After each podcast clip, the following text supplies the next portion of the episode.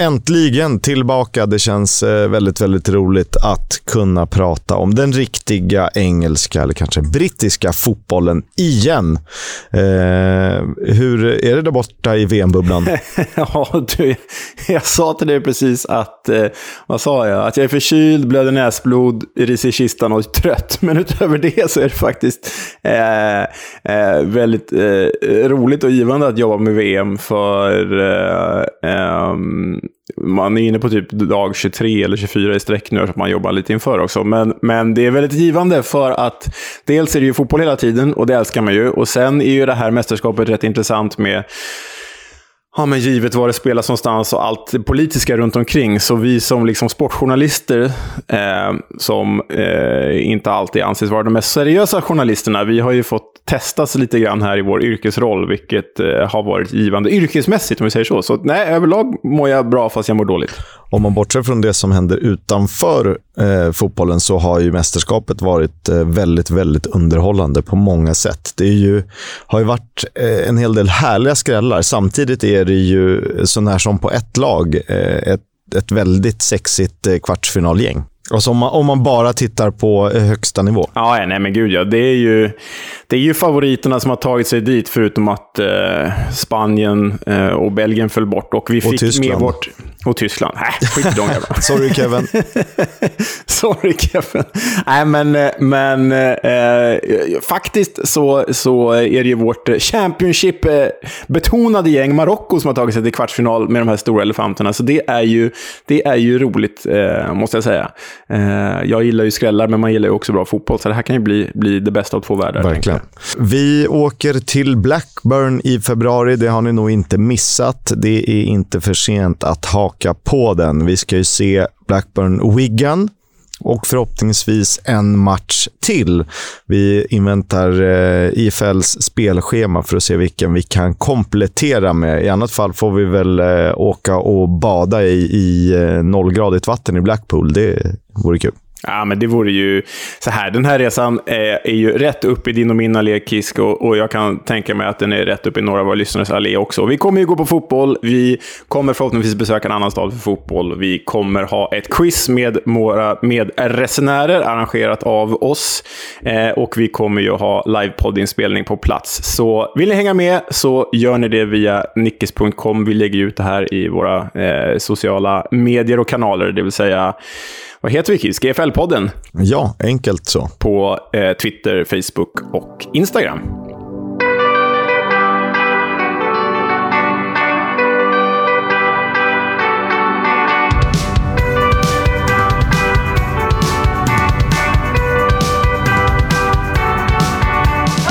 Det här är Footballs Coming Home, en podcast om Championship, League 1 och League 2 med mig, Oskar Kisk och med eh, Leonard Jägerskiöld Welander. Ständig närvaro. Eh, och det är ju faktiskt så att det har spelats Championship fotboll. Jag kan inte ens säga så, så pirrig är Så länge sedan var det. Championship fotboll.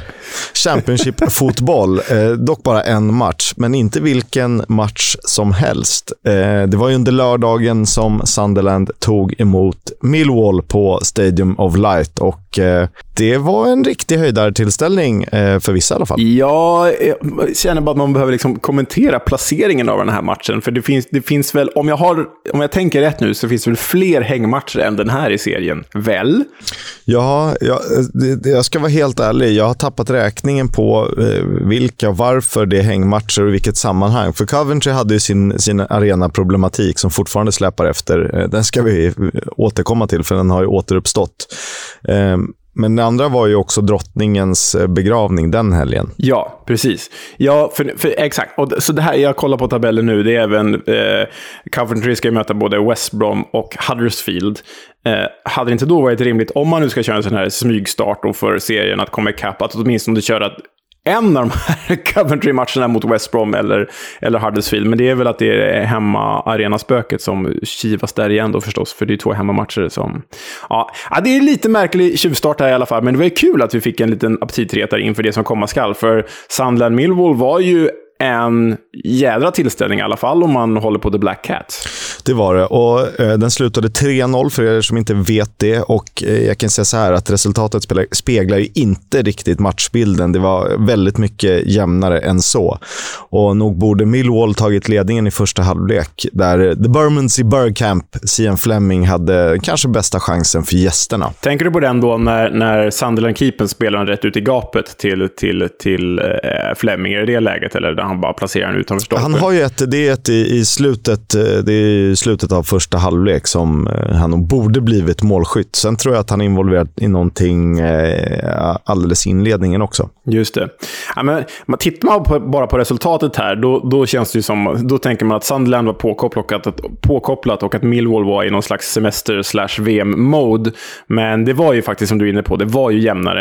Eh, sen har ju Millwall faktiskt inte rosat marknaden eh, på bortaplan under säsongen, men, men, och det tog väl Sunderland tillvara på här, för 3-0, det är ju, det är ju 3-0 och det här är ju alltjämt ett Sunderland utan Ross Stewart. Exakt. Eh, han är inte tillbaka än. Eh, Sunderland gjorde en väldigt, väldigt stark andra halvlek och de, eh, den där hårtorken de fick sig i, eh, i paus, eh, jag tror kanske inte riktigt att det var så allvarligt, men den, det energiknippet de fick där, det gav ju effekt. För redan åtta minuter efter paus så kunde Ahmad Diallo sätta 1-0. Ett anfall som inleddes med Alex Pritchard briljans. Eh, han fortsätter att vara väldigt viktig för Sunderland och han fick ju chansen att eh, hamna i protokollet igen. Ja, för det var just Summer Pritchard, eller Pritchard som kommentatorn i våras sa, som utökade till 2-0 eh, bara ja, fem minuter efter ledningsmålet när George Long i Millwall-försvaret eh, ja, verkligen tänkte på något annat. Det var, ju, det var ju lite av en gåva kan vi ju säga när eh, Alex, Alex Pritchard satte eh, tvåan där. Och det finns sån jäkla resurs i de här kanterna i, i Sunderland.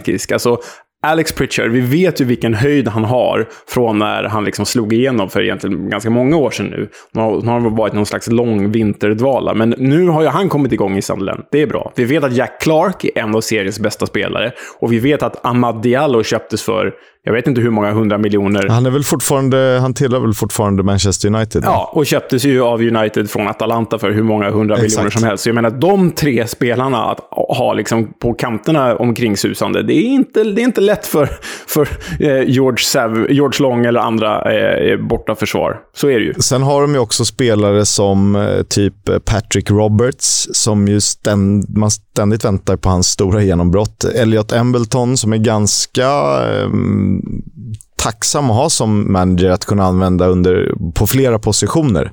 Så eh, det här är ett rätt härligt lag. Ja, och det är ju liksom, den här säsongen är ju liksom bara plankan för Sandland att hiva sig upp på Championship-nivå igen. Sen är jag ja, men tämligen övertygad om, givet hur stor den här klubben är och givet att den känns som att den är på rätt kurs för första gången på, jag vet inte, över tio års tid typ, så känns det som att redan nästa år skulle Sandland faktiskt kunna vara en playoff-kandidat. Eh, det tror jag inte är helt omöjligt. De behöver liksom bara stabilisera sig, hitta nivån, eh, kanske förstärka på vissa positioner där det är lite väl Championship eller League One-mässigt i nuläget. Verkligen. Eller Sims, vår eh, favorit, som brukar vara Ross Stewarts eh, anfallskollega. Han fick avsluta målskyttet elegant på stopptid. Han var framspelad av målvakten Anthony Patterson, en målvakt eh, till skillnad från vikarierande George Long i Millwall-kassen som hade lite flyt. Och han är faktiskt eh, en av bara tre målvakter med poäng gjorda i Championship hittills. Mm, och där de andra två är en, blandad duo. Vi har ju Wes Fodringham, som ju är en av Sheffield United, som är en av seriens bästa burväktare. Och så har vi ju Fumli Lumli som lyckas komma in i den här poängpojkar-trion. Det, det, någonting ska han ha, Joe Lumley. Det får vi ge honom. Det ska han. Det är din eh, hatobjekt eh, kraftigt, men din icke-favorit. Så, så, så här, det är inget fel på honom, förutom att han är dålig. Exakt, det kan inte han ro på. Det här är lite intressant för tabellen. Eh, för Sunderland på tionde plats har ju nu bara tre poäng upp till fjärde plats i och med den här segern. Eh, så det är rätt tajt bakom toppen. Luton på elfte plats har lika många poäng som Sunderland. Så sju placeringar, tre poäng. Eh, och det, man kan ju dela in det här i olika skikt. Väldigt, väldigt intressant. Ja, jag tänker på liksom den säsong vi körde förra året när, när Fulham var så överlägset och, och även Bournemouth. Det är roligt, nu verkar Burnley vara det i år då, men det är roligt om det inte blir så den här säsongen, att det är så jäkla mycket jämnare. Jag menar, tittar man på du vet, superfloppen Middlesbrough. Alltså, de är just nu fyra, fyra poäng från playoff och ligger på femtonde plats. Eller ännu större floppen West Brom, som ligger liksom placeringen ovanför strecket, de är ju bara, vad är de? De är åtta poäng från playoff. Så jag menar, det är, det, är, det, är, det är inte ens omöjligt att West Brom och Middlesbrough klättrar upp på playoff-platser innan den här säsongen är slut. Så så tätt är det ju faktiskt. Nej, det, här, eh, det kommer bli en, eh, en ruggig, ruggigt tajt eh, tillställning hela säsongen och epicentrumet kring jul där också. när det en hel del kan inte avgöras, men banas väg för. Verkligen. Vi ska titta till League One också när vi ändå har chansen. Och vi kan väl säga så här att topptrion Plymouth, Ipswich och Sheffield Wednesday, alla tappade poäng i helgen. Mm, det, det var väl någon slags, eh, jag vet inte, har det hänt ens den här säsongen? Att, att de där, för de har ju gått som tåget alla tre. Har det hänt att de har tappat poäng samtidigt? Har jag inte kollat, borde vi kolla. Men, men ja, kul för serien och kul för dramatiken. Men vi har ju ett väldigt känt namn i toppen av eh, skytteligan där. Johnson Clark Harris, mannen med tre namn är också mannen med 12 mål för eh, Peterborough. Porsche-killen leder alltså skytteligan med 12 fullträffar. Det gör han ju och om vi tar en titt på assistligan så leds den av Exeters Giovanni Brown med åtta målgivande passningar. Och så har vi då Aaron Collins i Bristol Rovers. Han har gjort 10 plus 7, alltså 10 baljer och 7 målgivande framspelningar. Således är han poäng bäst tillsammans med Giovanni Brown som ju har 9 mål plus 8 assister. Det här är nog två killar vi kan få lära känna på lite högre nivå inom en snar framtid, känns det som. Det tror jag säkert. Eh, enligt samstämmiga röster så är ju Barry Bannon seriens bästa spelare. Han är 33 år fyllda och spelar för Sheffield Wednesday. Noterat för 4 plus 6 hittills, men han är bäst över hela planen. Mm, nej, men det, och det har han ju varit även förra säsongen också, trots att Sheffield Wednesday inte gick upp. Så det är ju, det är ju en snudd på Premier League-spelare i Barry Bannon och så spelar han i League One. Det, ja, det är märkligt. Morecambe, klubben med räkan i, eh, i emblemet, är i fritt The fall. Shrimps. The Shrimps med maskoten Christy the Cat. Jag tröttnar aldrig på att säga det. Hur kan de inte ha en räka som maskot? Jävla idioter. Men, men. Morecambe i fritt fall. Lancashire, eh, hamn, staden. De har bara 15 poäng på 20 matcher och en seger på de 11 senaste. Det ser ju riktigt, riktigt mörkt ut för The Shrimps. Lilla ljusglimten dock att Cole Stockton, deras anfalls-S, han gjorde sitt första för säsongen senast när de mötte Exeter.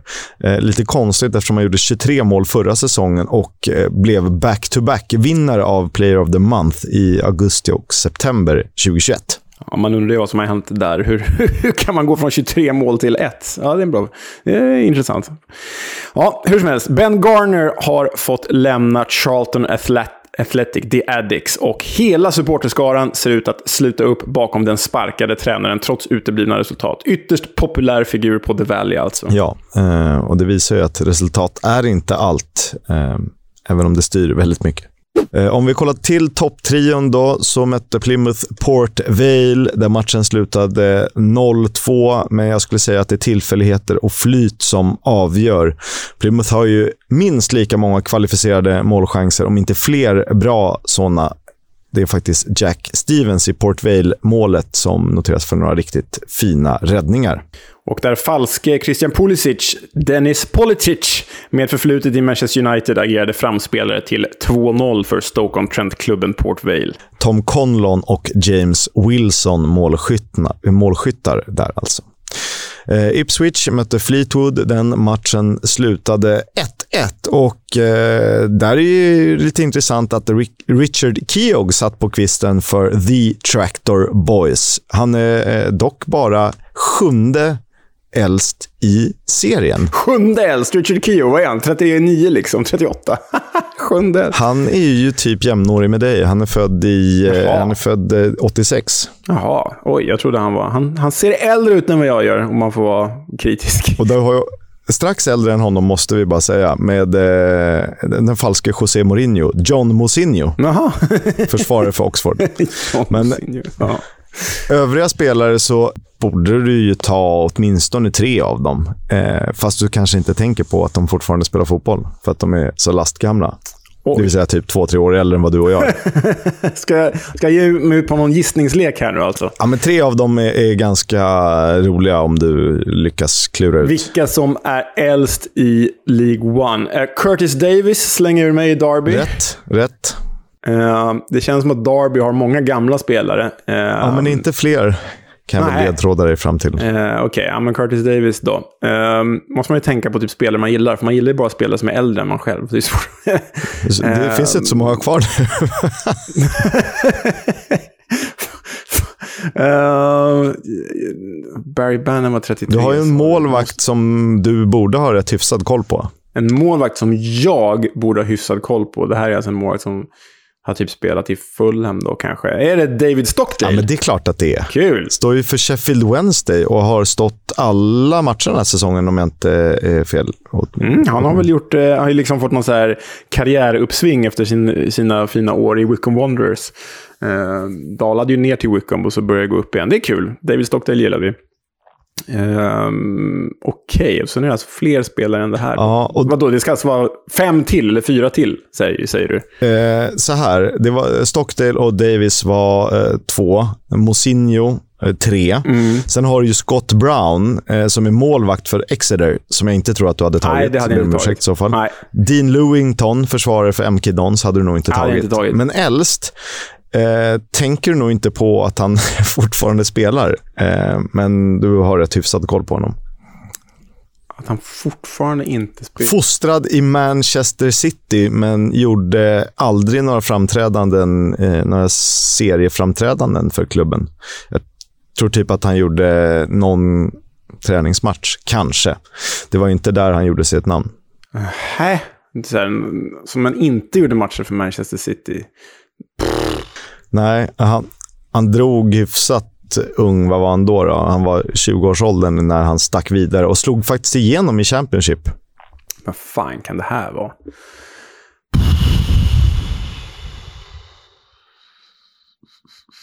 Nej, jag behöver något mer. Jag kommer, jag kommer inte ta det, ta det annars. Jag behöver något mer. Nej, det är svårt. Han gick från Manchester City till Sheffield Wednesday. Eh, gjorde fyra säsonger i Championship innan han gjorde ytterligare en säsong i Championship i en annan klubb. Eh, åtminstone en halv sådan. Det var ju Stoke. Han är mittfältare, alltså allt som oftast. Han är ju känd Man tänker som... på City-fostrad mittfältare, då hamnar man ju på så här, typ Steven Ireland och Michael Johnson-figurer. Men båda de spelade ju för City. Um, de har väl slutat spela ja, för länge det... sedan, tänker jag. Men de, det är väl samma ålder, om inte den här personen är ännu äldre. Han är född 84, han är, har fyllt 38, snart 39 oj, oj, alltså. Oj, oj. Vem? Stoke, defensiv mittfältare, eh, var med under alla Pulis Jaha, är det typ så Grant Ledbitter eller någon sån där jävel? Nej. Eh, irländare, tidigare landslagsman, över 90 A-kamper. Ja, men då är det ju Glenn Whelan. Ja, det är klart. Nej, spelar Glenn Whelan fortfarande? Ja, nej. jag säger... Nej, är... nej, nej, nej, nej, det här är helt overkligt. Det här känns ju Stoke 2008 typ. Han har startat tre matcher för Bristol Rovers, som vi ju vet tränas av Joey Barton. Så att, eh, Jaha. Ja, där fan. har vi något. Han har alltså gått från Wood Hall Amateurs till Bristol Rovers. Ja, eh, det är exakt så han har gjort. Men då har ju alltså Joey Barton bara ringt sin polare Glenn Whelan och sagt att vi behöver en till gubbe på mittfältet här nu. Ja, för han, han startar ju ändå tre matcher, eh, gjort sex framträdanden totalt. Alltså, det går ju fort ner för Glenn Whelan här när han blir gammal. För han, gör ju, han lämnar ju Stoke 2017, som han ju spelat 300 matcher för. 2017, det är många år sedan, det är fem år sedan, den är alltså 33. Då kan ju karriären vara slut. Där kan han ju säga äh, fuck it, jag skiter i det här, nu är det över. Men då går han till Aston Villa, gör 68 matcher på två år. Då är han alltså 35. Då tänker man, nu är det ändå över. Nej, för då ska han göra 15 matcher för Hearts i skotska ligan, 31 matcher för Fleetwood Town, då tränat av Joey Barton måste det vara då, för han var ju där förut. Sen, efter 31 matcher i Fleetwood Town, gör han faktiskt fyra matcher för Withens Hall Amateurs innan han skrev på för Bristol Rovers. Satan vilken karriär. Det här, det här gjorde min dag, om inte vecka, Kiss. Glenn Whelan. Fan, vilken tribut. Vi må, ja, wow. Tack. Ja. Eh, kul grej. Alltid roligt att eh, håna gamla människor. eh, vi, ja, visst. Nu eh, hamnar vi från ämnet här, men det är så det ska vara. 1-1 eh, var det alltså mellan Ipswich och Fleetwood. Det var Luke Wolfenden som gjorde mål för hemmalaget redan i den andra minuten och strax före slutsignal så hade Kian Hayes lite flyt med en styrning och en stolpe och det var 1-1. Men det roligaste här, jag vet inte om du har hunnit se um, bilder från matchen. Jag eh, har ju haft möjlighet att göra det. För gästernas Josh Earl eh, blev utvisad i samband med firandet när han körde liksom obscena gester mot familjeläktaren. Det var eh, ja, the wanker sign, om ah, vi säger. Ja, mm. Rimligt att göra det mot familj familjeläktaren. Eh, ja, klart. ja, Okej, okay. det är starkt av Josh Earl, eh, denna 24-årige försvarare. Förväntar man sig eh, någonting annat från någon som spelar i Fleetwood? Nej, nej, det gör man ju, nej, det gör man ju verkligen Jamie Vardys gamla klubb, Ja, precis. Eh, ja, men kul. Sen måste man bara passa på att slänga in här att Ipswich-målskytten som du nämnde, Luke Wolfenden, det är ju ett av IFLs bästa namn just nu. Wolfenden, det har ju någonting. Ja, det är riktigt bra. Sjukt Han skulle kunna vara så här, holländare, ytterback i Millwall också. Verkligen. Eh, tredje toppmatchen, om vi kallar den det, eh, eller topplagsmatchen, att eh, fastna vid. Derby Sheffield Wednesday 0-0. Dock ganska tråkig match av det jag kunde se. Tempofattigt, eh, hyfsat låg nivå tycker jag genomgående. Ja, och här är det liksom någon slags baksmälla på Derby. För jag menar, de, eh, vi kommer ju alla ihåg förra säsongen hur det gick där till slut. De till slut ramlade ur Championship efter alla turer med Eh, ägare som försvunnit och sådär. Men, men eh, ehm, de har ju liksom försökt verkligen fått bygga om en hel trupp här. Satsat, som vi varit inne på tidigare, satsat lite för mycket på etablerade gamlingar. Så de kan ju typ ställa upp med en hel startelva där alla är 30 plus och har Premier League-erfarenhet. Jag vet inte om det är rätt på den här nivån. Och sen har de ju då dessutom bytt tränare då de gjorde sig av med Liam Rosinier och tog in Paul Warren i, vad var det, oktober. Så Lite besvikelse på Derby, men också en ganska förståelig baksmälla. Sheffield Wednesday däremot, de, jag menar, de var ju ytterst nära uppflyttning förra året och nu ligger de trea. Det vore ju en jäkla kraft att få upp i, i The Championship. Ja, eh, nu kanske Sheffield United tar steget upp, men eh, fler derbyn tycker jag vi behöver. Verkligen. Det som är, på tal om just det här med lite spretig trupp, det är lite om man ska dra paralleller till allsvenskan, typ som AIK Malmö tyckte i alla fall jag hade problem med under säsongen till viss del IFK Göteborg också, men där liksom kärnan är 30 plus, nästan 33 plus. Mm. Eh, och så förlitar du på att det kommer 17, 18, 19, 20-åringar som också måste vara så pass bra så att de säljs för att få eh, ekonomi i det hela.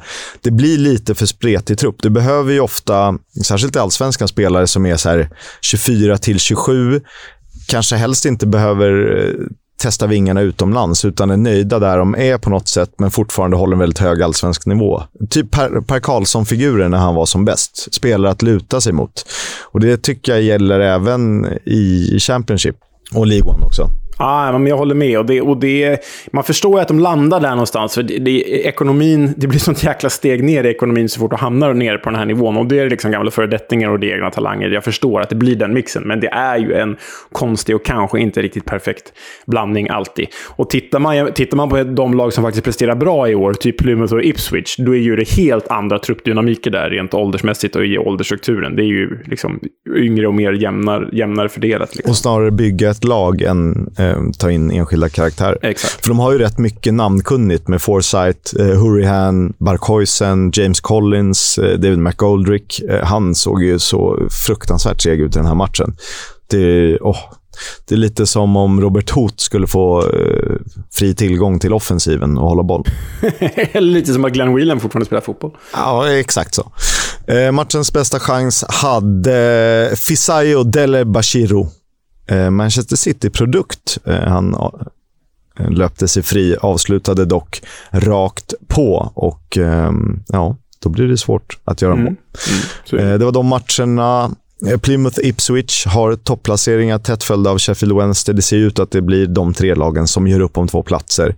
Sen har vi ett spännande koppel här. Barnsley, Bolton, Peterborough och eh, Derby där bakom med Pompey på åttonde plats. Ja, Pomp har ju tappat lite. De började säsongen bättre och de var ju väldigt bra i fjol också. Så, eh, och Pompey är ju ett gäng man gärna vill ha med numera med Disney-kopplingar och allt, givet att deras ägare har varit vd för Disney och sådär. Men, men eh, Ja, det känns väl så här. Det är kul med svensk koppling, koppling i Barnsley. Jag vet inte vad du känner, Kisk, men Plymouth, Ipswich, Sheffield Wednesday, Bolton, Derby, Pompey. Alla de. Skicka upp vem som helst. Det blir bara bra till, till nästa säsong. Bristol Rovers och Bristol City vill jag ju ha i samma serie också, i och med mitt derby, min derbyförkärlek. Så är det ju. Verkligen. Um, sen är det väl så att en klassikerklubb som Charlton går inte alls lika bra för. Som vi varit inne på, de ligger på 17 plats. Och sen har vi då Forest Green Rovers, som absolut inte är en klassikerklubb, men som ju är i blickfånget av andra anledningar. De kämpar på, de har det lite tufft, ligger på plats 21. För när du väl hinner så är det din tur och då ska du väl prata om Forest Green Rovers, var det inte det vi bestämde? Just det, så är det ja. ja. Men det blir väl någonstans nu kring juldagarna och nyår och sånt där. Forest Green Rovers, ja. FGR. Ja, men det, det, det blir spännande. Undrar om de ens har en, en inmarschlåt eller klubbhymn. Så, så äh, nu ska vi inte driva för mycket med dem. Absolut, det ska jag göra. De är fina på sitt sätt. Jag tog fram eh, sju spelare som har gjort det väldigt bra under eh, höstsäsongen i League One och som är, är värd att hålla koll på om man får anledning eller följa. Caleb Taylor, 19-årig... Eh, vad heter det? Mittförsvarare. Nu blandar jag ihop språken. Mittback. Han spelar för Cheltenham. Sen har vi då irländska landslagsmannen Aaron Cashin, 21-årig mittback i Derby. Och för er som följde podden förra året, eller Derby förra året, ni har god koll på honom. För det var ju en av Wayne Rooneys favoriter. Och eh, bakom Barry Bannon en av de bästa spelarna hittills i alla fall. Absolut. Mannen med namnet Leif Davis, vi sa skämtsamt Leif Davis förra säsongen. Han är 22-åring, håller till på vänsterkanten för Ipswich. Sen har vi då Aston Villa-lånet Finn Azaz, 22-årig eh, offensiv mittfältare som spelar i Victor Hedmans Plymouth. Och där kan vi ju säga att eh, vi får ju diskussioner med Victor Hedman om att eh, gästa den här podden. Ni vet, eh, en av världens bästa hockeyspelare till vardags i NHL äger ju numera Plymouth, för er som har missat det. Bali Mumba är 21 år, spelar också i Plymouth. Eh, kan funka på båda kanter, mittfältare generellt sett. Han är utlånad från Norwich. Middlesbrough-lånet Josh Coburn huserar ju i, i Bristol Rovers. 19-årig anfallare är ju en av eh, eh, ja, men, eh, Rovers eh, bästa spelare den här säsongen. Absolut. Och så Bolton då. Connor Bradley, 19-åring, eh, högerkanten. Kan vara både wingback och ytterback och eh, yttermittfältare. Han är utlånad från Liverpool, så eh, håll koll på honom ni. Vi tar väl att, och tittar till de spelare som har eh, spelat världsmästerskapet och som faktiskt spelar. Det är ju två stycken till antalet kvar. Eh, Senegal skickade fyra Championship-spelare till det här mästerskapet. De åkte ut i åttondelsfinalen och eh, de som sticker ut där är ju Ismail Azar och Ilman Ndiaye som ändå fick speltid till och från och faktiskt är två av tre EFL-spelare att noteras för poäng. Sarr med ett mål, Ndiaye med en assist. Mm. Eh, eh, ja, man visste att Sarr skulle vara en av Senegals nyckelspelare och en av, dem, eh, en av deras bästa spelare. Det visste man ju. Jag hade förhoppningar på att Ilman Ndiaye skulle få mer spel speltid än han fick. Och... Eh, han, han eh, spelade faktiskt fram till ett mål i, i 3-1-matchen mot Qatar. Eh, och då tänkte jag att fan, det här gjorde han så pass bra, så han borde få mer eh, speltid. Vilket han också fick eh, mot eh, Ecuador, men det hjälpte inte eh, jättemycket trots att Senegal vann den matchen. Men ah, allt som allt, det är väl en godkänd insats. Senegal tog ju sig vidare till, till, till slutspelet där, och där de åkte mot eh, England. Sarr spelar hela matchen, NDI spelar 45. Men jag hade lite högre förhoppningar på NDI. Jag trodde att han var mer redo för det här faktiskt. Och det är väl här skillnaden mellan Championship och Premier League till exempel, eller Championship och en högsta liga märks ganska tydligt. Att de har en liten bit kvar i alla fall eh, till vardags. Sen hade vi då i eh, grupp B, där hade vi ju jänkarna som skickade Josh Sargent, ni vet i Norwich, och Ethan Horvath, numera eh, första keeper i Luton. De tog sig hela vägen till åttondelsfinal. Ethan Horvath eh, spelade ju inte, han var ju reservkeeper. Men Josh Sargent eh, ja, satte väl något, något, slags avtryck. Han gör ju 74 minuter mot Wales och hoppar in mot England och, och eh, eh spelar ju faktiskt även mot Iran. Så helt okej okay VM för Josh Sargent får vi ju säga. Eh, jättebra. Han hyllades ju för sin främst arbetsinsats. Det blev inga poäng och det är väl kanske svårt att räkna med. Eh, han missade dock matchen, alltså åttondelsfinalen mot Nederländerna, eh, med en skada. Vi får hoppas att det inte är för allvarligt. Och I samma grupp så fanns ju ett gäng spelare i Wales. Om vi tar de som tillhör Championship-klubbar så är det Roberts, Thomas, Tom Lockyer, Ben Cabango, Adam Davis, Joe Allen, Rubin Colwill och Mark Harris. De miss missade slutspel och det var väl egentligen eh, Connor Roberts på högerbacken där som gjorde något slags avtryck. Joe Allen startade förvisso en match och blev inbytt i en annan. Eh, Sorbert Thomas fick lite speltid. Sen var det Joe Morell eh, blev inbytt. Eh, det var en spännande grej. Han spelar ju League One till vardags. Ja, men Wales, Wales var väl förutom Qatar det sämsta landslaget i det här världsmästerskapet. Och det, det hade man väl kunnat vänta sig när liksom halva truppen är IFL-spelare. Inget ont om vårt kära IFL, men det är ju, det, de är ju inte världsmästare. Så är det. Sen hade vi då eh, min personliga favorit, Christian Bielik, eh, tog ju plats i Polen i grupp C. Polen tog sig till åttondelsfinal. Bielik spelade inte så stor roll som man kanske hade hoppats. Han eh, blev inbytt i match mot Mexiko, spelade hela matchen mot Saudiarabien, fick en timme mot Argentina och kom in i match mot Frankrike. Han har ju, som vi varit inne på, potential för att vara en spelare på den högsta nivån, men skadorna har ju tagit en del ifrån honom. Utan skador så tror jag nog att eh, han hade kunnat sätta ett större avtryck i, i ett sånt här mästerskap. Absolut. Grupp D så fanns Tunisien med. De representerades av Hannibal Mabry. Eh, han fick ett inhopp i första matchen mot Danmark. Sen blev han kvar på bänken. Sen hade vi då eh, i samma grupp detta ack så charmiga Australien. Som är ju som en liksom, fusion av liksom skotsk grit och determination med australiska surfer dudes. Jag vet inte, det, det låter för jävligt men det, men det är ganska härligt. Faktiskt. Um, och i den truppen så återfanns ju Riley McRee från Middlesbrough, Harry Sutar från Stoke och Bailey Wright som jag inte kommer på var han spelar någonstans. eh, men eh, här var det ju verkligen så att Sutar var en... Eh, Stokes Harry Sutar var en enorm nyckelspelare för, för Australien. Kanske till och med deras bästa spelare. Eh, han fick ju stora internationella rubriker efter match mot Danmark. Eh, eh, han, var, men han var ju alltså en av, ja, men kanske en av gruppspelets bästa mittbackar, skulle jag säga. Och eh, Riley McGree, eh, Middlesbroughs offensiva mittfältare, han fick mycket speltid, spela fram till eh, målet mot Danmark, bland annat. Eh, så det är ju kul att det gick bra för australiensarna där Harry Sutar kommer verkligen vara eh, välkommen tillbaka i Stoke som har saknat ja, honom. Eh, kul eh, liten formpush också. Verkligen. I grupp E spelade Costa Rica. I Costa Rica spelade Jewison Bennett från, eh, från Sunderland. Eh, de missade ju slutspel. Han fick eh, han eh, startade faktiskt mot Spanien. Blev ersatt av Brian Ruiz. Bara en sån sak. Det är hedervärt. Mm. Sen blev han inbytt mot Japan. Blev inbytt mot Tyskland eh, i ställningen 2-2. Matchen slutade i 2-4. Så eh, plus minus-statistiken eh, inte för Benets fördel. Jag måste bara nämna med Brian Ruiz här, eh, som ju var en, en viktig del i det Costa Rica som tog sig till kvartsfinal VM 2014. Eh, han var ju en briljant tekniker under Martin Joll i mitt kära Fulham när de spelade i Premier League. Och en av de sorgligaste fotbollssynerna jag har sett på plats, det var när Fulham hade åkt ur Premier League 2014 under Felix Magats ledning.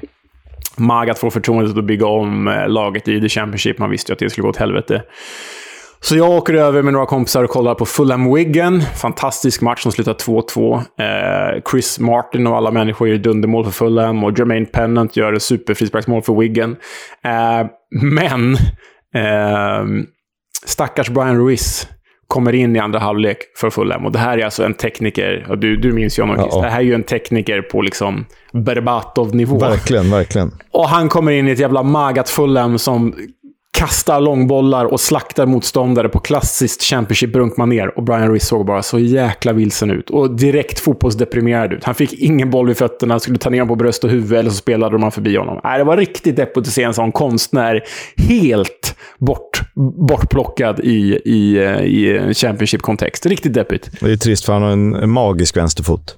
Sen hade vi då eh, Kanada i grupp F. Eh, vår lilla favorit Junior Hoylet eh, fick ju spela ganska mycket i ett Kanada som, även om de kom tog sist i gruppen, så gjorde de ändå inte bort sig. Borde ha vunnit mot Belgien, eh, vilket de inte gjorde på grund av eh, fel beslut i varummet och sådär. Eh, sen hade de en liten chans mot Kroatien och Marocko. Men Junior Hoylet fick speltid i alla fall. Kul för honom.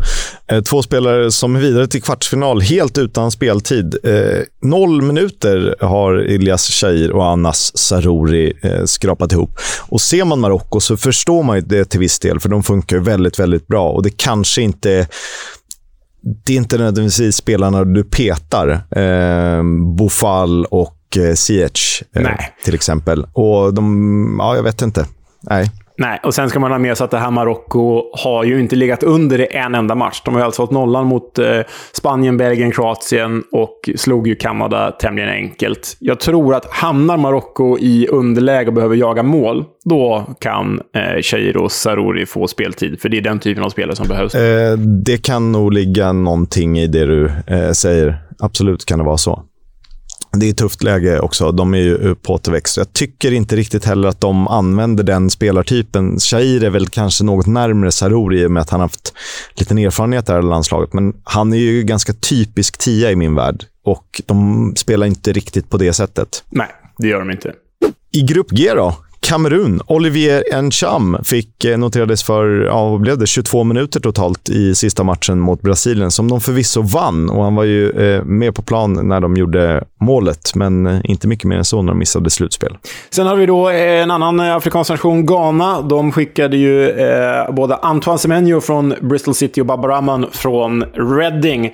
De missade ju tyvärr slutspel, eh, även om de tog Uruguay med sig som någon slags hämnd. Eh, men Baba fick ju väldigt mycket speltid, vilket inte var oväntat. Han är ju ordinarie vänsterback i det där gänget. Fick två 90 minuter och sen byttes han in mot Sydkorea. Och Antoine Semenyo ah, han satte väl tyvärr inget eh, avtryck. Fick eh, drygt 25 minuter, cirka 30 totalt på ja, tre matcher. Jag hade tänkt här, sätta ihop den bästa EFL-elvan VM, men det blev lite för... Nej, jag fick, jag fick Nej, det går inte. skohorna in eh, någon eh, inne mitt som mittback bara för att. Eh, och det blev inte så. Men det vi kan säga, tre Championship-poäng gjorda. Sarr gjorde mål från straff punkten. NDI och Riley McRee med varsin assist. Vi ska prata lite nyheter. Den kanske hetaste med svenska ögon är ju att QPR jagar ny tränare. En av kandidaterna till jobbet sägs vara Marti Cifuentes, eh, tränare i Hammarby till vardags. Eh, väldigt, väldigt intressant, eh, för eh, det har hänt mycket kring honom. Han är ju tydlig eh, tränare som har ett mål långt framför sig och klättrar liksom större större eh, steg för varje år som går på något sätt. Ja, nej men hans... Eh det är ju så intressant med, med, med, med en eh, person som kommer utifrån och sen liksom tar den långa vägen i Sverige. Jag menar, det är ju inte många år sedan han, han tog hand om liksom ungdomsfotbollen i AIK väl och så hamnade han i Danmark och bara steg för steg kliver uppåt. Så, nej, men det är en rätt spännande resa och skulle det gå från Hammarby till Queens Park Rangers helt plötsligt, då är det ett enormt jäkla utropstecken. Och kanske ett bevis på att eh, vad den här liksom Potter-övergången gjorde med svensk fotboll. Nu är det ju synd ur svenskt perspektiv att det inte är svenska tränare de plockar, men eh, att liksom svensk fotboll kan bli någon slags mellanstation för tränare som som faktiskt vill komma ut på större scener. Vi har ju då Graham Potter, då, vi har ju Martin Cifuentes här. Och sen har Hoyas vi han... Får man ju ändå... Hoyas Bagi, precis. Att man börjar plocka figurer från svensk fotboll. Och även, eh, vad heter han, spanjoren som tränade HBK och var assisterande i Malmö. Ja, jag vet vad du menar. För han var ju eh, assisterande i Birmingham och i Middlesbrough ett tag och nu är han ju i Brescia, väl, huvudtränare. Det är inte han Pep Klåtet? Jo, precis. Exakt. Eh, och Det är spännande att börja titta på eh, tränare från oss nu. För jag menar, vi har haft en hel generation med tränare där typ Hasse Backe var den enda som kom utanför Norden. Liksom. Um, så äh, kul om det här har öppnat dörrar. Exakt så. Och eh, Vi vet ju inte om det blir klart. Vi vet inte ens om han är favoriten till jobbet. Det ska mycket. De ska förhandla med Hammarby som jag tror har en rätt fet klausul. Jag vill minnas att det var 8 miljoner om jag läste rätt, vilket i och för sig inte behöver vara pengar för en Championship-klubb. Men vi gjorde i alla fall så att vi tog ett snack med Alexander Axén som ju har full koll på Hammarby och Cifuentes och som ju älskar sin engelska fotboll. Och han är ju en drömgäst i och med eh, den anglofil han är och han har lovat att återkomma då vi får sätta oss ner och verkligen eh, gå på djupet kring engelsk fotboll och vad, han, eh, vad det betyder för honom. Men här är i alla fall Axén om en eventuell Cifuentes-övergång. Cifuentes kan vara på väg till Queens Park Rangers och samma dag som den här intervjun spelas in så sägs hans arbetsintervju äga rum med klubben. Det finns ju fler kandidater till jobbet så inget är klart i nuläget. Och vi har med oss Alexander Axén för att ge lite en bild av hur han skulle kunna passa in om det nu blir så.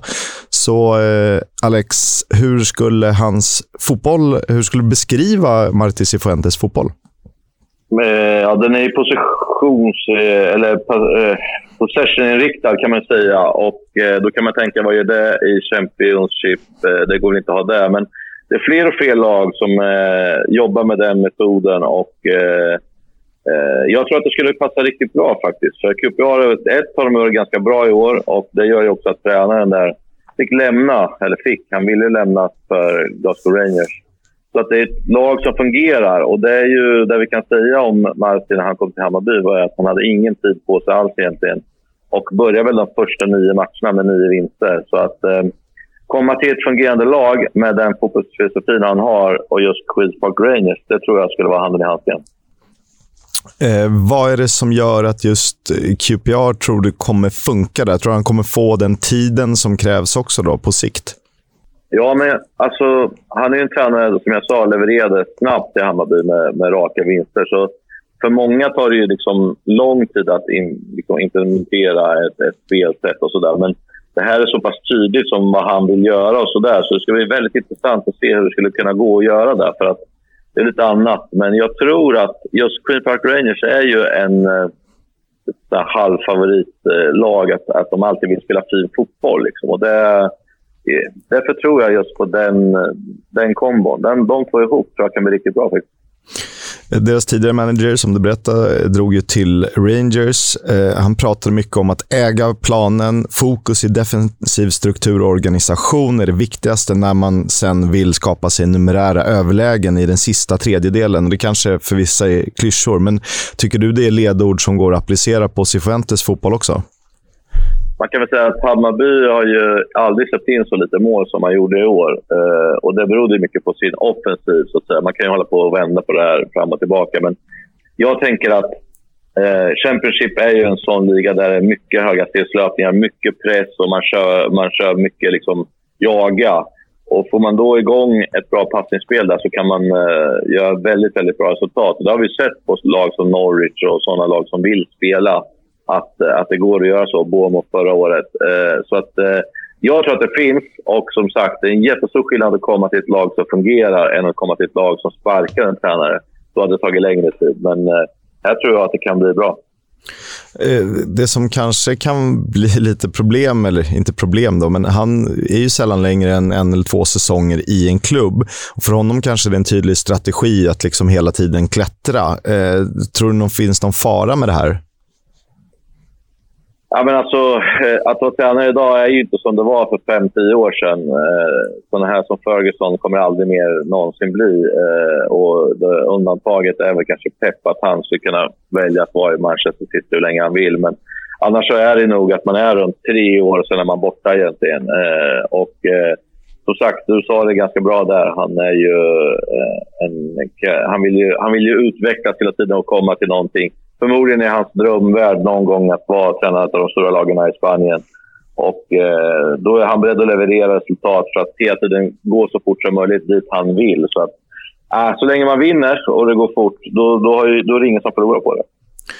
Han har ju erfarenhet från en rad olika klubbar, bland annat Sverige, Norge och Danmark. Vilken eh, erfarenhet tror du passar in i den bästa i den engelska fotbollskulturen? Ja, men norska fotbollen är väl med den som är mest lik engelsk, skulle jag säga ändå. Eh, nu är danskarna börjat med jättemycket fasta situationer och sånt. Eh, men just spelmässigt så skulle jag nog säga att eh, Norge mycket löp, mycket eh, ta ytor, jobba hårt, fylla på och sådär. Så att det tror jag eh, mest han kommer ta med sig den norska sidan. Eh, om du fick välja en roll eller spelare, det är kanske lätt att fastna vid en sån som Darijan Bojanic som gjorde en helt fantastisk säsong och också tillät andra spelare att eh, kliva fram ytterligare. Eh, skulle du säga att den rollen är viktigast för ett Cifuentes-lag? Om man, om man vill spela precis som man gjorde i Hammarby så är ju centrala fältet jätte, jätteviktigt. Så är det ju. Liksom. Men Eh, Eh, det är också att han har gett mycket stort förtroende till Ludvigsson och försökt få med honom hela tiden på olika sätt. Så att eh, han vill ha de med som löper hårt också. Eh, så att eh, jag tror att han, är så, han har kommit så långt i sitt tränarskap så han ser vad, vad han kan göra med det han har. Och Det är det som är det viktiga för en, för en framgångsrik tränare. Att man kan inte ändra allting, men man måste vara otroligt, otroligt bra på innermittfält eh, för att vara eh, så var Bojanic i Championship. För det, han kommer få sina smällar, så kan man säga. Då är det ju i så fall eh, norrmannen Stefan Johansen som eh, ändå kan ha den positionen, om vi skulle kall kunna kalla den åtta eller någonting. Ja, absolut. Han är, han är ett bra alternativ där. Han är en bra spelare och också som jag tror att Marti har lärt sig den nordiska tankesättet och så. Kan säkert få med han på, på banan, vilket gör att han vill leverera och kämpa från början och få med sig laget. För det är det som är viktigt, att man får med sig några ledare på planen. Så att, eh, ja, det tror jag skulle vara perfekt. Sen har de ju också eh, problem att eh, få nian att fungera, vilket var lite fallet för Veton Berisha. Eh, vad det nu berodde på. Ja, det, det är kanske en egen podd det. men att, eh, men att, eh, att de gör lite för lite mål, Queens Park Rangers, det, det kan jag hålla med om. Och, det är många matcher jag tycker de borde ha tagit poäng eller vunnit som, som de har, har tappat. Så det är ett problem, men samtidigt, vem vill inte ha en nia som fungerar? Nej, exakt. Och det är ju eh, det är fler lag som skulle vilja ha den garantin. Ja, så är det ju. Eh, det är många av de här lagen, eh, om vi ska vara ärliga, som, som är där framme i Watford och, och Norwich. Och där. Då kan man tycka att Norwich de har ju ändå Pukki och allting, men inte heller riktigt flygig sådär som, som man kanske trodde. Det är långt kvar och de kommer säkert kunna reparera det. Men, men det är svårt att göra mål i fotboll. Fler och fler lag blir bra organiserade. Så att, eh, ja, det är den tuffaste positionen. Skulle man kunna, ska vi inte gå in för mycket på eh, sån, den typen av taktik, då, men eh, nior är ju svåra för ganska många lag. Vi har sett Djurgården stundtal som har haft svårt att få, få med den spelaren. Eh, både i målproduktionen och kanske i spelet. Tycker du det är en internationell grej att fler lag, eh, alltså att fler spelare behöver göra många poäng? Ja, men så har det väl nästan alltid varit. Beroende på om du spelar med om du spelar två forwards till exempel, så vill man i alla fall att en av dem ska göra det. Eh, spelar du med en forward så blir det lite som Barcelona. Det är inte ofta du kan säga vem som var nia och framgångsrik i Barcelona. Däremot vann de pokaler hela tiden. Just för att Messi kom på ena sidan, eh, vi hade Henri från andra sidan och så vidare. Du kan rabbla många av de spelarna. Men, men just nian är ju en sån som bara ska stå och göra tappings egentligen i straffområdet och så puffa in dem. Men han är också viktig för att löpa ner laget så att mittfältarna kan komma i de här ytorna eh, som ska komma där. Så det är en otacksam uppgift när man spelar typ 4-3 att vara nia. För att, eh, som du säger, det är väldigt sällan de gör mycket mål. Intressant som alltid. Eh, tack för att du var med. Vi hörs förmodligen längre fram. Ja, det måste vi verkligen göra, för det här är en podd som eh, är guld värd. Eh, det tycker vi också. Och så får du prata om din kärlek till engelsk fotboll. Vi vet att den är stor, nästan större än den här poddens. Ja, den är enorm faktiskt. jag ska på Dart-VM nu den 15, men ska försöka få med mig Luton Millwall eh, på söndagen där. Eh, klockan 11, tidig kick-off. eh, men det är den som jag hoppas få med. En klassikermatch från förr i tiden. Ja, vi har eh, pratat oss eh, varma om vad som hände. Eh, om det, var, det var mitten av 80-talet, var det väl 84 eller 85. Eh, klassiska scener, även om de var eh, kanske inte helt positiva. Det är inte vanligt att man har en firma som är 9000, så kan man säga. Så de blev lite tagna på sängen där, polisen, kan man säga. Men att, eh, ja, det är en klassikermatch, så att jag hoppas att jag får biljetter till det. Och Kenilworth Road är ju en favoritarena just för att man eh, går in genom folks sovrum för att komma till bortasektionen. ja, det är underbart. Den är underbar.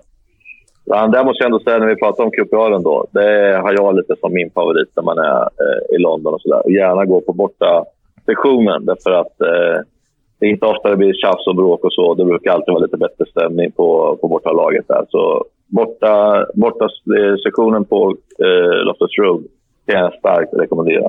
En fantastisk, arena, en fantastisk arena som ligger rätt praktiskt till också om man är en, på en shoppinghelg eller om man kollar lite julbutiker och sånt. Verkligen, verkligen. Roligt att han ska över och se Luton Millwall, men eh, ja, jag är redan sugen på att spela in ett avsnitt med Axén. Nej, men det, alltså, vi, har ju, vi har ju pratat med Axén och om Axén väldigt länge. Det här är ju, äh, men utan att överdriva, Sveriges största anglofil kanske. Eh, så det, det, är klart vi ska förkovra oss mer i den engelska fotbollen och, och hans Southampton-kärlek framför allt. Eh, nej, men, jag, jag, tycker det är, det är så spännande med Cifuentes här, det som, när han kommer in på, eller när ni pratar om liksom spel, speltyperna, för det är ju Ja, du har gjort så fin, fina anteckningar här i, i körschemat, Chris, där du till och med har jämfört Hammarby-spelare med, med, med Queens Park Rangers-spelare. Och det är inte orimliga jämförelser. Du kanske vill dra den, för jag tycker att det, det, det har någonting. Ja, men om vi ser kanske Hammarbys viktigaste spelare 2022, Darijan Bojanic, eh, som väldigt tydlig spelfördelare, eh, så går det ju att peka på, som jag pratade med Axén om också, Stefan Johansen i den rollen. Kan skapa poäng, men eh, inte nödvändigtvis han som ska göra det. Sen lite mer framskjuten position. Kanske inte riktigt tia i Hammarby, men uh, möjligtvis. Och där finns ju en Ilias Shahir som jag tror jag skulle kunna axla den manteln. Han, vi vet också att han kan göra poäng. Han har ett bra tillslag. Han en, en, har en fin blick, vilket betyder att han kan vara en framspelare. Så har de en ofungerande nia i Lyndon Dike som är bra, men som inte riktigt får det att lossna. Lite som vet om Berisha. Ja, jag, jag, jag, tycker att du är hård mot Lyndon Dike som jämför honom med vet, vet om Berisha, men absolut, det är samma, samma typ. Ja, men det var så här, Charlie Austin, ja, han gör mål, men det, det, det är liksom inte riktigt, klaffar inte hundra. Nej, Precis. Och Sen tycker jag ju att de har en... Eh, nu är Gustav Ludvigsson liksom en tränares drömspelare för att han slutar aldrig att springa och han skapar ytor för medspelare, han skapar ytor för sig själv eh, som sätter honom i bra lägen där han eh, kan avsluta. Och eh, Chris Willock är väl kanske inte nödvändigtvis jättelik i spelstilen, men skulle ju kunna ha den rollen i och med att han är en anfallsspelare som kan hantera flera positioner. Han är rörlig, han är hyfsat snabb och han är målfarlig. Ja, men alltså eh, de, de är ju liknande spelartyper med tanke på att de behärskar, som du säger, alla de här offensiva positionerna och de är ju väldigt poänggivande. Sen är ju Gustav Ludvigsson mer en typ han är väl mer en Niklas Alexandersson på crack och Chris Willock är, är liksom en, en ballerina snarare. Men, men visst, de, de kommer ju bidra till samma slutprodukt. Ja, sen har de ju bättre högerback i Ethan Laird. Eh, men Mohanad eh, när han inte bråkade och kom med konstiga citat så var han ju kanske allsvenskans bästa vänsterback. Och eh, vi får väl se om Kenneth Paul eh, kan ersätta där. Om det nu blir så att Cifuentes tar över. Vi ska inte grotta för djupt i något kanske scenario. Nej, men, nej, men jag tycker ändå det är spännande att liksom bara titta på det här, vad det skulle kunna, hur det skulle kunna bli och, och vilka spelare som passar in i systemet. Och jag blev faktiskt kontaktad häromdagen av eh, Dan Norris som har formgett Queens Park Rangers nuvarande klubbmärke. Han och jag har haft lite kontakt de senaste åren för givet vår förbläss för klubbmärken helt enkelt. Han, jag rekommenderar att följa honom. Han gör väldigt roliga tolkningar på eh, etablerade klubbmärken, typ typ Tottenham och Liverpool och sådär. Så Dan Norris eh, rekommenderas. Men han är Queens Park Rangers-porter då och han frågade mig om Cifuentes och vi pratade lite grann. Och så sa jag att Cifuentes, eh, precis som vi varit inne på här, kan få stor nytta av, av det material som finns i QPR, framförallt i Tjejer och, och Willock och så, skulle passa väl in i hans system. Och då sa Dan Norris så här, ja men det låter intressant, men inte fan kommer vi behålla Shair eller Willock förbi nästa övergångsfönster. Så det tyckte jag var eh, intressant att han, som ändå är liksom väldigt insatt QPR-supporter, han kanske har bara resignerat inför deras kvalitet också. Men, men eh, vi, vi, vi, får se. Sådana rykten lär väl uppstå.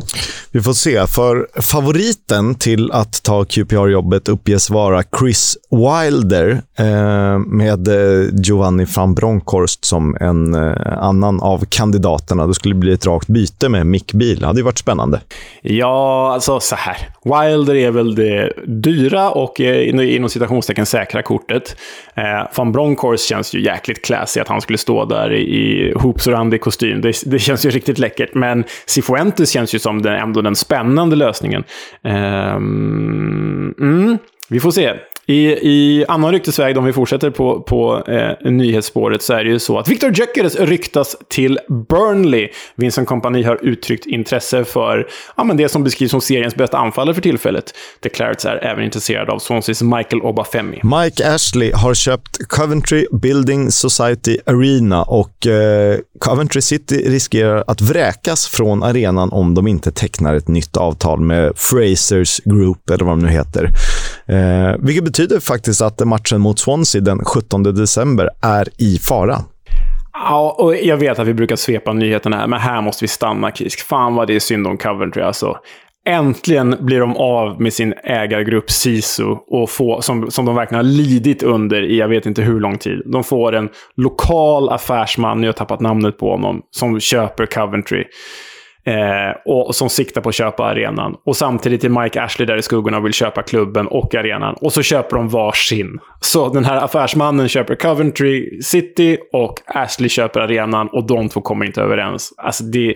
Fan har inte Coventry-fansen lidit nog i det jag försöker säga. Helvete Mike Ashley. Bara skärp dig, din jävla knöl. Ja, det är ju... Eh, det är inget annat än djupt tragiskt. Kom överens för helskotta.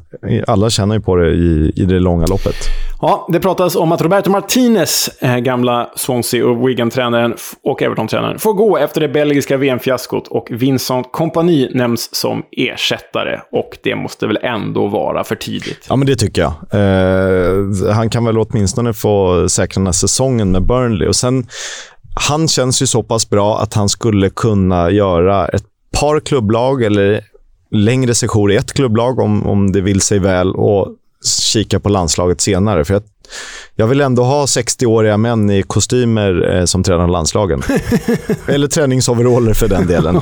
Det ska inte vara några up and coming killar med något jättetänk. För det, det, blir lite av ett waste eh, om de ska få visa upp sig en gång vart annat eller vart fjärde år. Ja, jag instämmer. Vi är alldeles för spända på kompanis tränarframtid för att slänga bort honom på fyra år med Thierry Henry i Belgien. Nej, Bättre, bättre kan det bli. Eh, den kanadensiske mittfältaren Ismael Kone lämnar Montreal för Watford. Eh, både Sheffield United och Norwich var intresserade redan i somras. Så han spelade ju samtliga matcher för Kanada i, i mästerskapet som var. Minns ni Wilfred Bony, denna bjässe till ivoriansk landslagsanfallare som spelade i Swansea och Manchester City? Jag vet inte om han var någonstans med. Stoke var han väl i också. Han håller fortfarande igång. Han spelar nämligen med Newport och gjorde mål för deras development squad i veckan i hopp om större kontrakt. Ja, det är sjukt att eh, en sån spelare hamnar där. Ja, han har väl kopplingen till Wales och eh, jagande större och vill hålla igång. Och jag vet inte, nivån kanske är lite väl låg. Han spelade väl med NEC, Nijmegen, förra säsongen. Kolo Touré är eh, klar som ny huvudtränare för Wigan. Och det är en kul grej, det har ni säkert sett om ni följer oss. Ja, men det, det ser vi fram emot vad det kan bli. Annat tränarspår är Dean Holden är bland favoriterna till att över Charlton i League One. Och sen innan vi kliver vidare, så för er som har missat det, så bör vi väl bara nämna att eh, Birminghams hett eftertraktade ägarbyte, det har inte blivit av. Maxi Lopez, det Maxi Lopez-ledda konsortiumet har dragit sig ur affären efter månader av förhandlingar. Så Birmingham får också fortsätta lida, precis som Coventry. Det är ett ständigt lidande.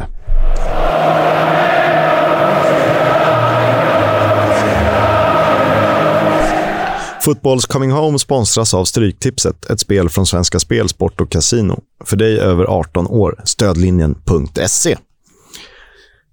Äntligen en riktig kupong igen med gott om eh, engelsk fotboll. Och jag fastnar vid match 4, Middlesbrough-Luton. Ett trevligt möte i Championships mittenregioner där eh, båda lagen haft representanter i VM. Riley McRees, Australien, åkte ur i åttondelen medan Luton hade backup-målvakten Ethan Horvath i USA och walesaren Tom Lockyer.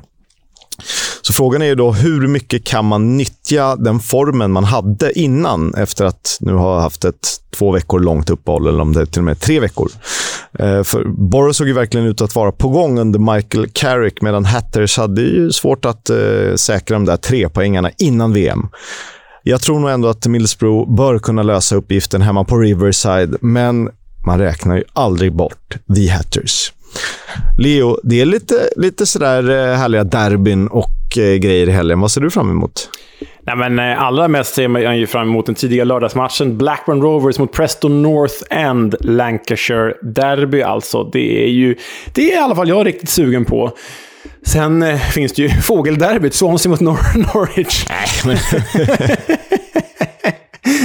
För er som inte tar den referensen har med oss varsin fågel i klubbmärket och, och kallas för The Swans och Canaries. Men rent sportsligt är ju det faktiskt riktigt, en riktigt häftig match. Eh, med två eh, ganska offensivt präglade lag som dessutom ligger i toppen. Eh, sen måste jag ju förstås lyfta söndagens Queens Park Rangers mot Burnley. Ett eh, Queens Park Rangers utan Mick Beal. Så lojal var han alltså när Rangers väl knackade på dörren. Men eh, de tre ser väl jag mest fram emot. Sen har vi, du har ju missat ett, eh, ett riktigt derby. Det kanske jag har. Sheffield United Huddersfield. I Sheffield United Huddersfield ett derby? Ja, vi kan väl kalla det ett derby. Ska vi kalla det, kalla det?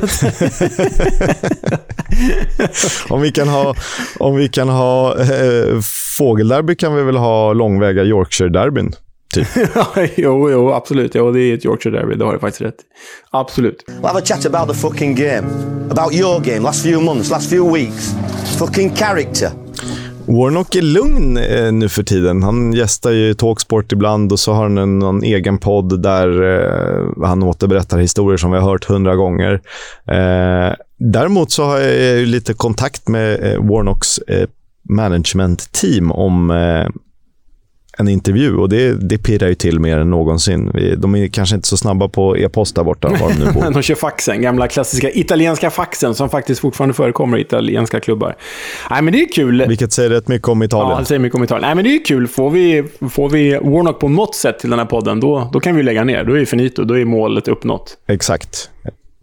Eh, däremot så eh, var det en eh, rolig grej från Wayne Rooney eh, under hans tid i Everton när han berättar om eh, tiden när han slog sig in i A-laget och hur det kändes med Big Dunk och, och company. They're looking at some of them players thinking, I want to be there. Yeah, the next minute, you're the best. It, it, it's mad how quick it changed. Did it? Yeah. yeah. So, like for me to go in with with with Duncan, obviously Stubbsy, Um, obviously, all of them who I've, I've grew up watching and yeah. Mark um, Pembridge, yeah. them kinds, you know. But to go to, to then go and play with them, um, train with them every day, and mm. these are crap. Ja, eh, Crap. alltså, eh, Rooney, det känns som att han, han har liksom, han har ju alltid haft det här i sig förstås, men det känns som att ju äldre han har blivit, desto mer har han bara släppt på, på bromsarna och det som har hållit honom tillbaka. Han bara, han bara kör. Så jag tänker nu på när han sågade Cristiano Ronaldo häromdagen också. Det, det, det gläder mig. Han kör, han kör. Ja, hur kändes det där att vara tillbaka? Ja, men det kändes väl bra. Det är synd att det är över redan efter 53 minuter och 56 sekunders inspelning. På en match, Sunderland Winball. Ja, det är bra. Det är bra jobbat. Eh, dock inte så mycket om just den matchen. Eh, kul med Axén. Vi får hoppas att han återvänder snart. Eh, kanske när han har varit i England och sett Luton Millwall, för det vill vi höra väldigt mycket om. Och eh, Neil Warnock som sagt på gång. Och Victor Hedman förmodligen också. Ja, och även eh, Svensenegger va? Såklart. Eh, vi ska bara hitta tid Mattias och Svensson dag alltså. så ska, ska ni få höra vad den gamle engelske fotbollsikonen, för det är han ju. Han är ju en av... Han är en sån där man ser upp till i den här podden. Det gör man. Det gör man verkligen. Eh, vi slår ju också ett slag för vår resa tillsammans med Nicke.com innan vi säger hej då. Kom ihåg, åk till Blackburn, gör det med oss, vandra på Ewood Park och drick en pint eller två. Det blir kul. Det ska drickas pints. Vi eh, önskar er en trevlig helg, så hörs vi. Hej, hej. Upptäckta vägar, de han tar